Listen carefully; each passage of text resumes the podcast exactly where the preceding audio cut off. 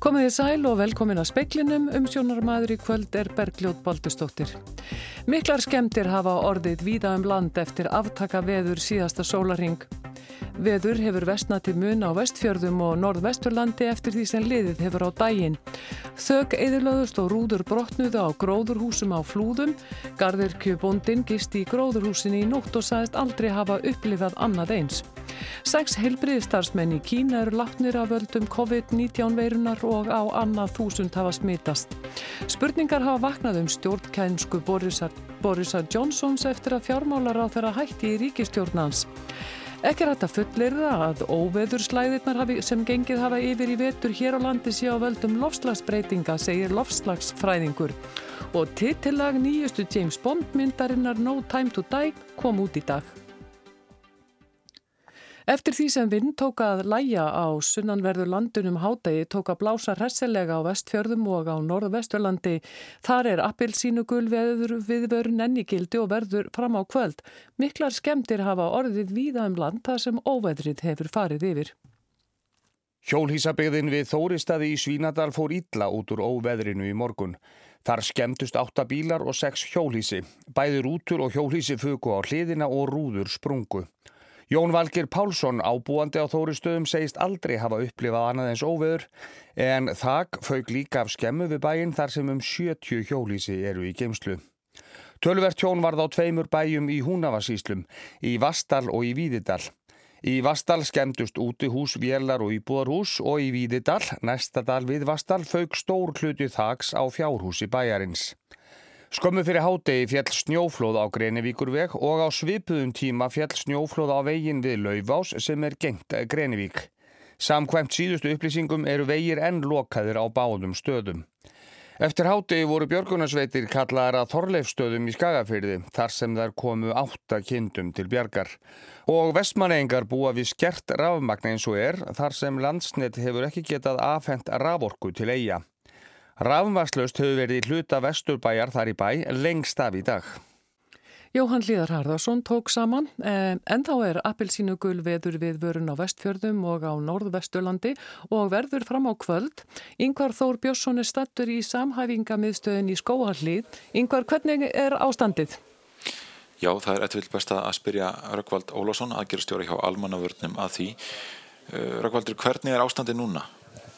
Já, ástandið er svona hvað sé ágætt að hérna þetta viður er náttúrulega búið að fara yfir allt landi í dag og er núna sérst á Norrlandi vestra eins og kom fram og, og vesturunum og við erum að fylgja því eftir það að við hefum ekki fengið, sérst það er ekki mikið verkefum þar í augnumleikinu en eitt af því sem við erum að vinna svolítið og núna er bara líka sérst það sem undan ekki yngi það er tölvöstur rámaksleysi sem varð á Suðurlandi og er enn rámaksleyst við það og því fylgir eh, fjarskiptaleysi því að margir í fjarskiptapunktunum hérna, eru með lítil eh, varafl og þegar rafmagnir fyrir þá fara þeirra dett út. Þannig að núna við að reyna að kortleggja þetta almenlega til þess að átt okkur á umfanginu og, og hvort það þurfa að fara ykkur sérstakra aðgerir með það. Takk fyrir þetta Örgvaldur og við skulum segja gott hjá hann úr skóvalíðinni Og þetta var yngvar Þór Björnsson frettamæður Fögu af gróðurhúsum á flúðum í Runamannarreppi fyrir í dag og rúður eru ennað brotna í kviðum, segir Reynir Jónsson, garðurkjubóndi í Reikási. Hann gisti í einu gróðurhúsun í nótt og segist aldrei hafa upplifað annað eins. Tjónið hlaupi líklega á 20 miljóna króna. Í Reykjási eru fjögur samlikjandi gróðurhús þar sem ræktar eru gúrkur, tómatar og salat. Síðdegi skekk enn á með sterkum vindkviðum og ekkert vinnuveður úti við. Reynir segir að megnið af þakki gróðurhúsuna hafi fókið, gler brotnað og stór hluti af einni hlið. Nei, ég hef aldrei séð svona sko.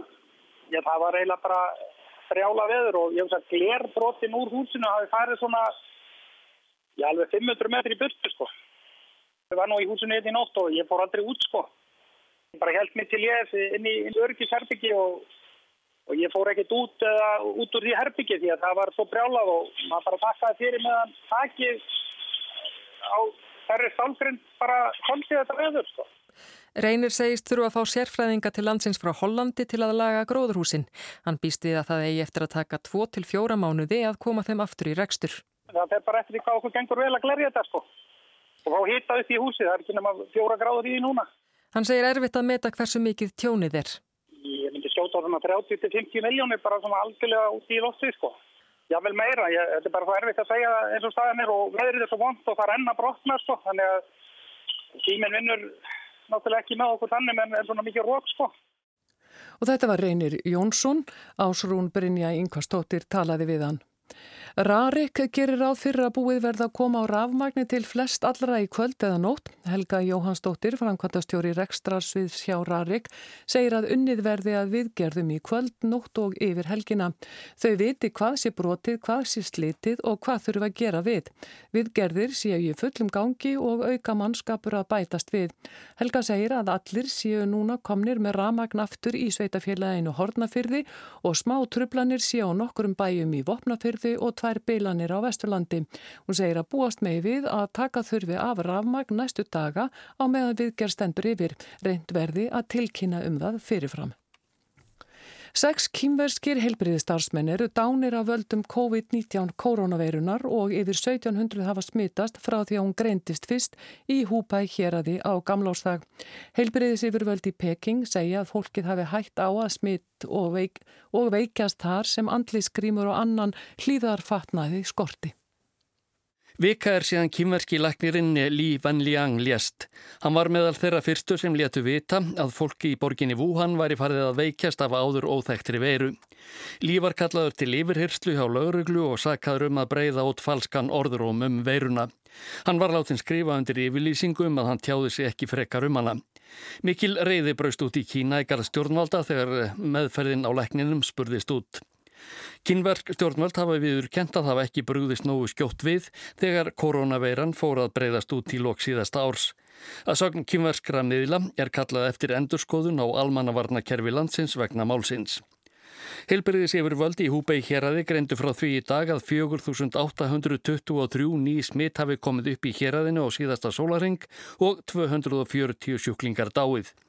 Þar með eru staðfest smitaföldum COVID-19 veirunar orðin 64.429 um heim allan, þar af 63.848 í Kína. Ásker Tómásson sæði frá. Erna Solberg fórsættisráð herra Noregs tilkynnti í dag á öryggisráðstefni í München að normen ætlaði að veita 46 miljónir króna til baráttunar við COVID-19 koronaveiruna.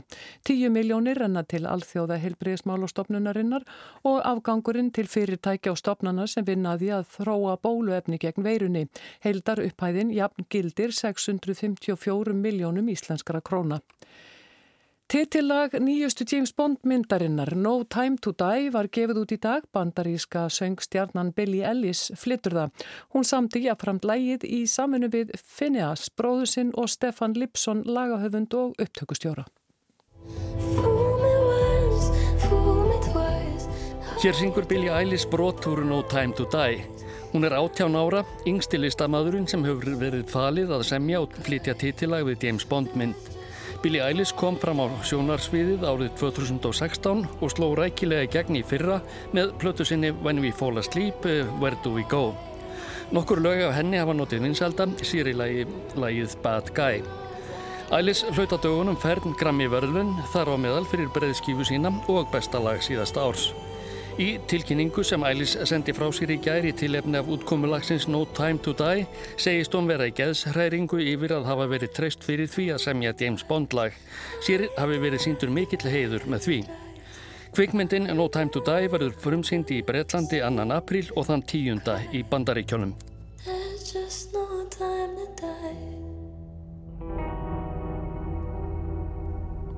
Hér líkur Billy Ellis að syngja lægið No Time to Die Ásker Tómásson sæði frá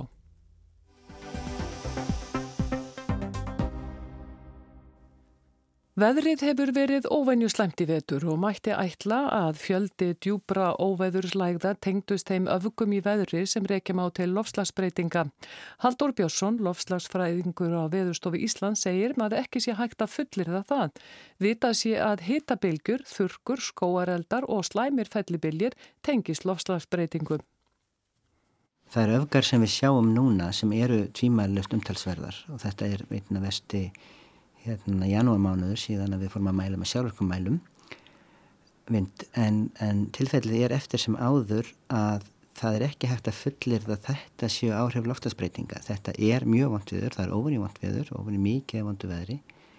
En það er í sjálfu sér sko ekki hægt að fullir það að nákvæmlega svona breytingar verði endilega tíðari eða svona veður verði endilega tíðari í heimi sem að fyrir hlínandi einfallega af því að það er svo margt sem breytist og þeir hlutir sem að knýja svona veður sem að er þá hitamönur millir norðs og söðurs hann kann annarkvort að breytist ekki neitt eða, eða, eða hreinlega minka En hvers vegna eru þá, uh, eru að upplifa svona slæman januar ef þetta eru ekki beinlýnis lofslagsbreytingar?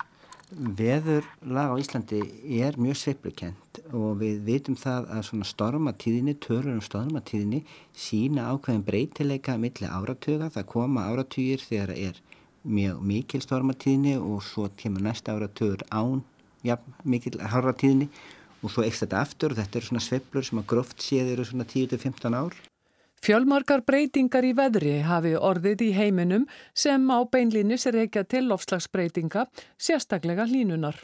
Eh, Hittabilgur eru náttúrulega augljósa dæmið, þurkar víða eru annað dæmi, þurkum síðan eru svona afleittir hlutir eins og skóareldar sem að geta orðið algengari vegna þurka.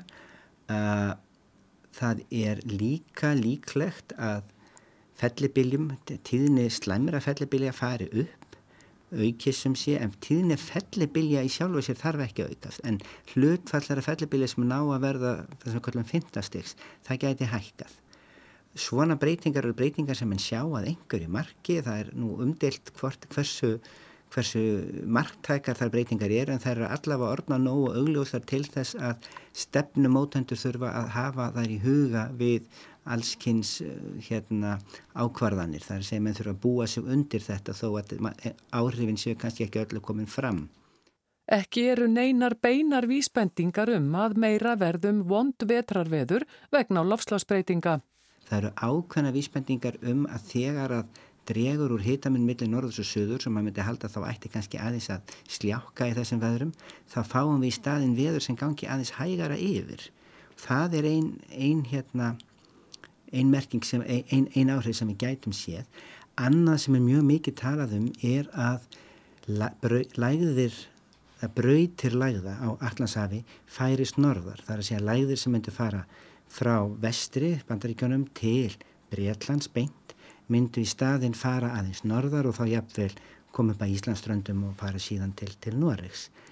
Að einhverju marki hefur þetta verið að gerast á síðustu áratögum en það hefur áhrif á nákvæmlega okkar svæði skiptir máli að Grænland stýrir mjög mikið brautum læða og Grænland er náttúrulega ekki að fara neitt í byli þannig að, að, að þau áhrif eru kannski ekki jafn stóri eða jafn auðmerkjanlega og maður myndi búast við til dæmis í Kirrahafinu.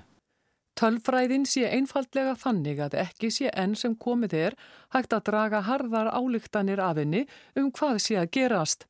Gera verði ráð fyrir því að sumar breytingar séu mögulegar, jável þó að þær séu ekki ennþá komnar fram. Í Ástralíu hafa verið miklir skóareldar og síðan mikil úrkoma á flóð. Haldur segir að þar sem skóareldar eru algengir komið þeir í hrinnum. Það, það er annað sem er mjög mikilvægt að hafa í huga, sérstaklega þegar við tölum um skóarelda, þá sjáum við yfirleitt myndir af, af fólki sem er í einhverjum húsum sem er að brenna og þarf að flýja og svo framvegis. Uh, það skiptir mjög miklu máli hvernig við umgangumst þessa vá og hvernig fólk hefur til dæmis eins og í Kaliforníu flutt inn í byggt hverfi sem eru á vissum hættusvæðum og, og er svo náttúrulega að lenda í vandræðum þegar að kemur koma skóareldur og það hefði sennilega gerst án þess án nokkur loftsbreytinga. Haldur segir að þegar að menn tali um skóarelda sé verðt að hafa í huga hvernig uppbyggingu á skólendi hefur verið stýrt. Það var mjög lengi verið þannig, vestanhaf sérstaklega og, og, og reyndar víðar, að það var reynd að koma í vekk fyrir alla skóarelda, líka smæstu elda. Og það þýtti að hægt og róla byggt byggðist upp meir og meiri eldsmatur. Og þetta er nú að hafa með reynd að víkja frá þessari stefnu en það er ákaflega erfitt og segja mér sérfræðingar í þessu sem að vinna við þetta það er ákaflega erfitt að koma inn í eitthvað hverfi og segja hér er skóareldur fyrir norðan ykkur við ætlum ekki að reyna slökkvan af því að við erum búin að koma að staði þessi slæm hugmynd. Fólk verður náttúrulega mjög hérna, æst og vill láta stöðva þennan skóareld sem að ógnar þeirra húsi sko.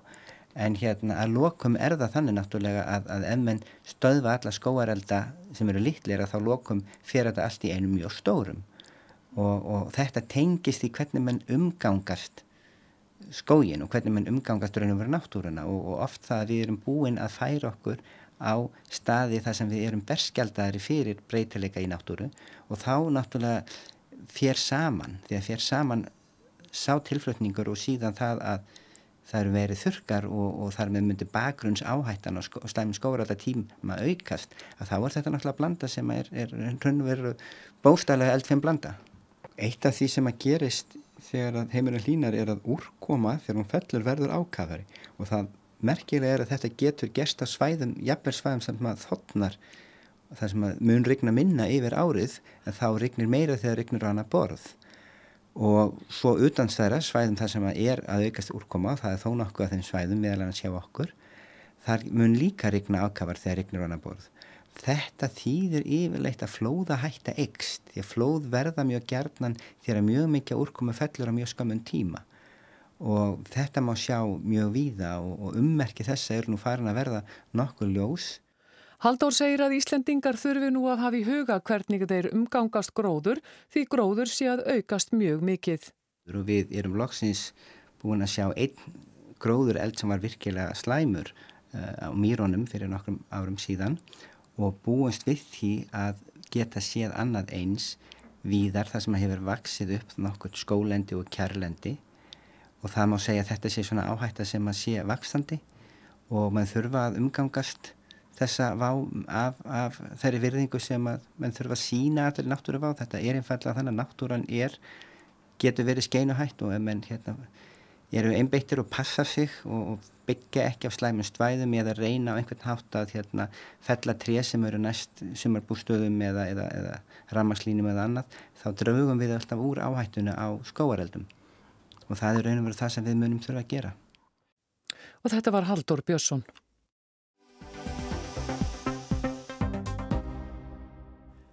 Það var búist við átaka lítilli uppstokkun í bresku ríkistjórninni en raunin varð önnur þegar Sæi Djavid, fjármálar á þeirra, sagði af sér. Hann hafnaði að gangað skilirði sem honu var sett, hann átt að reka sína nánustu pólitísku ráðgjafa. Um leið vöknuðu spurningar um hvað þetta segðu um stjórnkænsku Boris Johnsons fósætisráð þeirra. Það voru allir hressir við ríkistjórnaborðið í Dánistræti í morgun þegar ný uppstokkuð stjórn sapnaðist þar saman. Boris Johnson fórsætsráð þeirra hvati liði til dáða.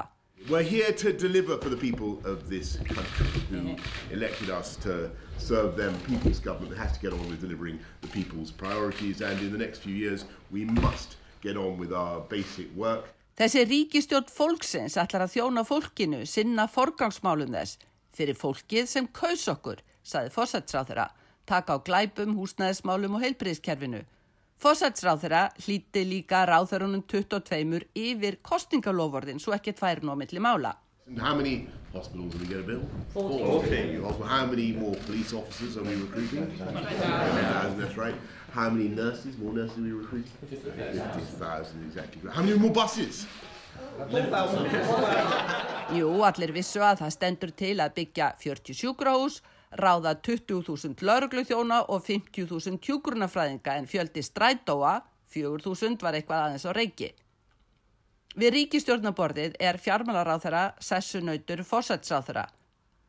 Rísi Súnag virtist enn örlítið undrandi að sitja þarna ekkert sem beti til þess í gerðmorgun.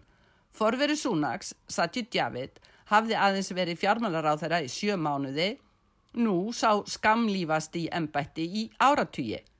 Samkvæmt frásök veðmiðlisins Huffington Post tók fórsætsráþara á móti Djavid í gerðmorgun með kostum og kynjum og lofsirðum. Djavid var enda bóðin velkomin í skrifstofu fórsætsráþara í Dáningstræti þar sem teki var á móti tilvonandi ráþarum. Fyrru morgunin hafi fórsætsráþara rætti þá sem voru reknir og það gert í skrifstofu fórsætsráþara í þingúsinu svo ekki verið hægt að mynda beigða fyrfirandi ráþara ganga fundinum. Rétt þegar þessum ánægilegu samræðum fórsatsráþara við Javid var að ljúka nefndi Johnson að reyndar eitt viðbót. Javid þurft að losa sig við þessa feim pólitísku ráðgjafa sína.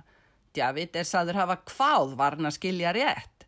David neytaði en var þá bóðið að hugsa sig um í næsta herbergi ræðamálin við nokkra aðra. Á meðan var gert hlýja á viðræðin við komandi ráðherra. David satt við sinn keip líka í tveggjamanna tali við Johnson og eftir, líka þó Johnson reyndi málamiðlun. And whilst I was very pleased that the Prime Minister wanted to reappoint me, I was unable to accept the conditions that he had attached. So I felt I was left with no option other than to resign. Í viðtali síðdeis í gær saðist David þakklátur að fórsætsráður hefði búið sér að gegna en bettinu áfram en meðfylgjandi skilirði hefði þvingðan til afsagnar. Þetta anir það rekar aðgjafa sína, fólk sem hefði skilað góðu starfi í þáu ríkistjórnarinnar og þjóðarnar og svo kom smá pilla til fórsætsráðara og eftirmannsins. I was unable to accept those conditions. I don't believe any self-respecting minister would accept such conditions and so therefore I thought the best thing to do was to go. David gæti ekki samþygt þetta skilirði að hans mati gæti engin ráðherra með snefil af sjálfsverðingu samþygt slíkt og því besta ráðið að segja af sér, saði David. Það lág fyrir að eftir formlega útgöngu breyta úr ESB í lók janúar yrðu breytingar á stjórninni. Talað um að Dominic Cummings, hinn umdeldi ráðgjöfi fórsætsráðara, vildi stórfældar skipulags og mannabreitingar í ráðneitunum til að gera þau skilvirkari. Þegar nær dró voru skilabóðin að nei, þetta yrðu bara smávegis tilfæslur. Í afsagnabrifi sínu leti David að því líka að fórsætsráðara ætti að hugleiða andan í kringumann, líklega skýrskotun í áhrif Cummings. Það hefur verið tókstreita millir David og Cummings sem áleit ráðgjafa Davids leka í fjölmiðla og rak aðstóðarkonu Davids í haust fyrir leka, ánsannana og að David forspurðum. Því vanga veldur um hvort David hefði verið komið frá með óásættalugum skilirðum. Frásagn Huffington Post bendi þó freka til að fórsætsráðara hafi mist fjármálaráðarann fyrir slistni. Og það leiðir aftur aðteklina að títnamdum Cummings. Hann er ekki eini líkil ráðgjafin í liði fórsætsráðara en aðeins Cummings er þjóðfrægur og verist ekki þykja þann eitt verra.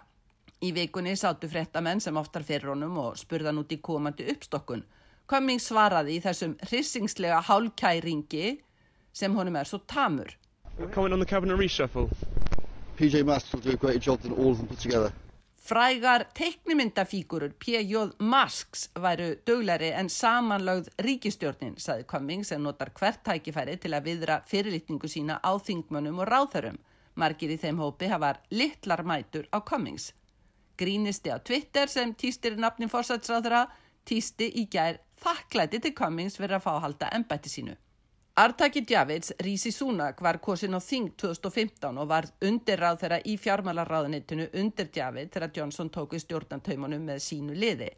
Það virtist fara einstaklega vel á með Djavid og Súnak sem deildu aðdánsinni á stjórnustriðsmyndinni með handleggi um axlir hvors annars við bíóauðlýsinguna.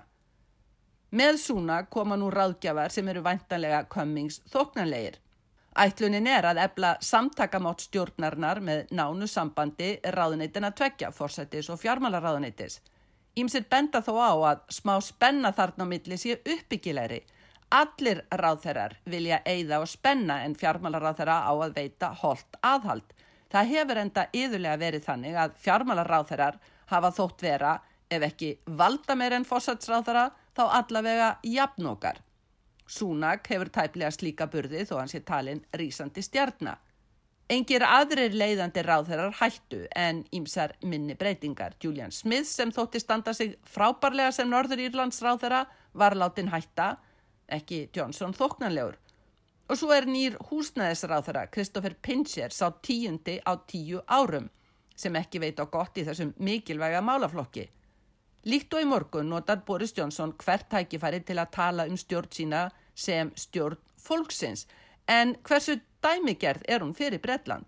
Aðeins 6 af 22 ráþörum eru konur, einnig færri en áður og það er djúft á alþýðurótonum. 15 af 22 ráþörum gengu í engaskóla þó það gildi aðeins um 7% þjóðarinnar. Bæði núverandi og fyrverandi fjármálaráþara auðguðst í fjármálageiranum en Súnak er af öðru sögðahúsi en Djavid, gekk í engaskóla og er kvæntur dóttur indversks miljardamærings. Djavid er sonu strætóbílstjóra og hefur þurft að hafa meira fyrir lífinu og framanum. Jafnvel með nýja stjórn geti fórsætsraður átt eftir að reka sig á að það þarf kannski meira til að framkvæma kostningalofurðin um að jafna kjör norður og söður hér að landsins en bara að kenna stjórninni lofurðin utan að. Sigrún Davíðstóttir sagði frá.